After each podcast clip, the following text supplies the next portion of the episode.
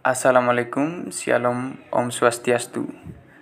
Perkenalkan, nama saya Vincensius Saputra Jemahan dengan NPM 2055 2011 052. Dan di sini saya akan menjelaskan pengertian dari interaksi manusia dan komputer.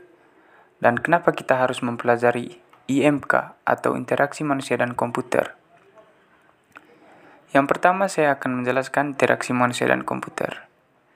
Interaksi manusia dan komputer atau dalam bahasa Inggrisnya Human Computer Interaction atau disingkat HCI adalah disiplin ilmu yang mempelajari hubungan antara manusia dan komputer yang meliputi perancangan, evaluasi, dan implementasi antar muka pengguna komputer agar mudah digunakan oleh manusia.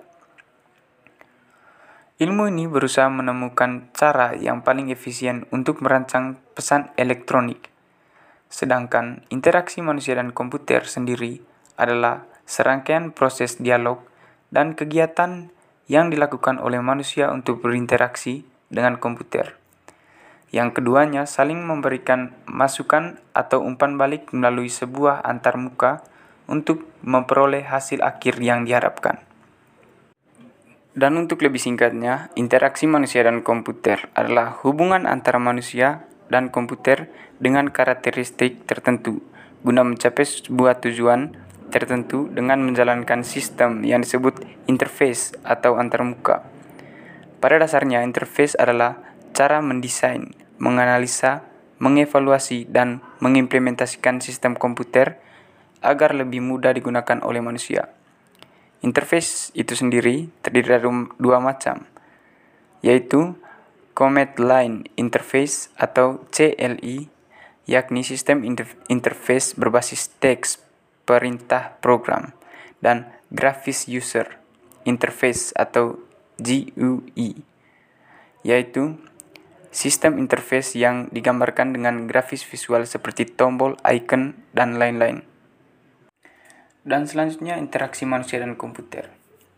Tujuan utama disusunnya berbagai cara interaksi manusia dan komputer adalah untuk mempermudah manusia dalam mengoperasikan komputer dan mendapatkan berbagai umpan balik yang ia perlukan selama ia bekerja pada sebuah sistem komputer. Para perancang antarmuka manusia dan komputer berharap agar sistem komputer yang direncanakan atau dirancangkan dapat bersifat akrab dan ramah dengan penggunanya atau user friendly.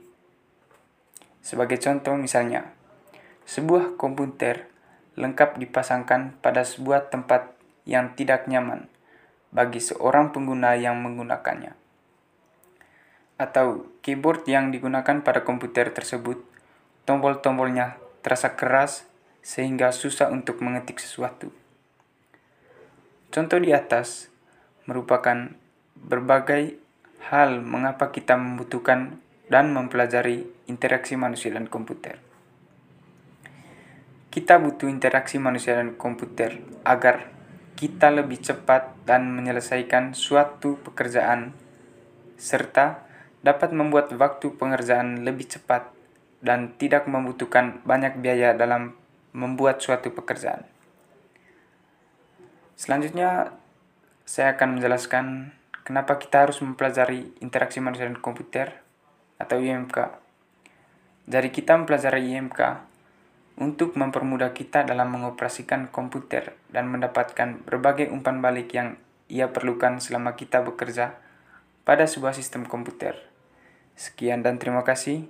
Mohon maaf bila ada perkataan yang salah untuk atau melenceng. Wassalam.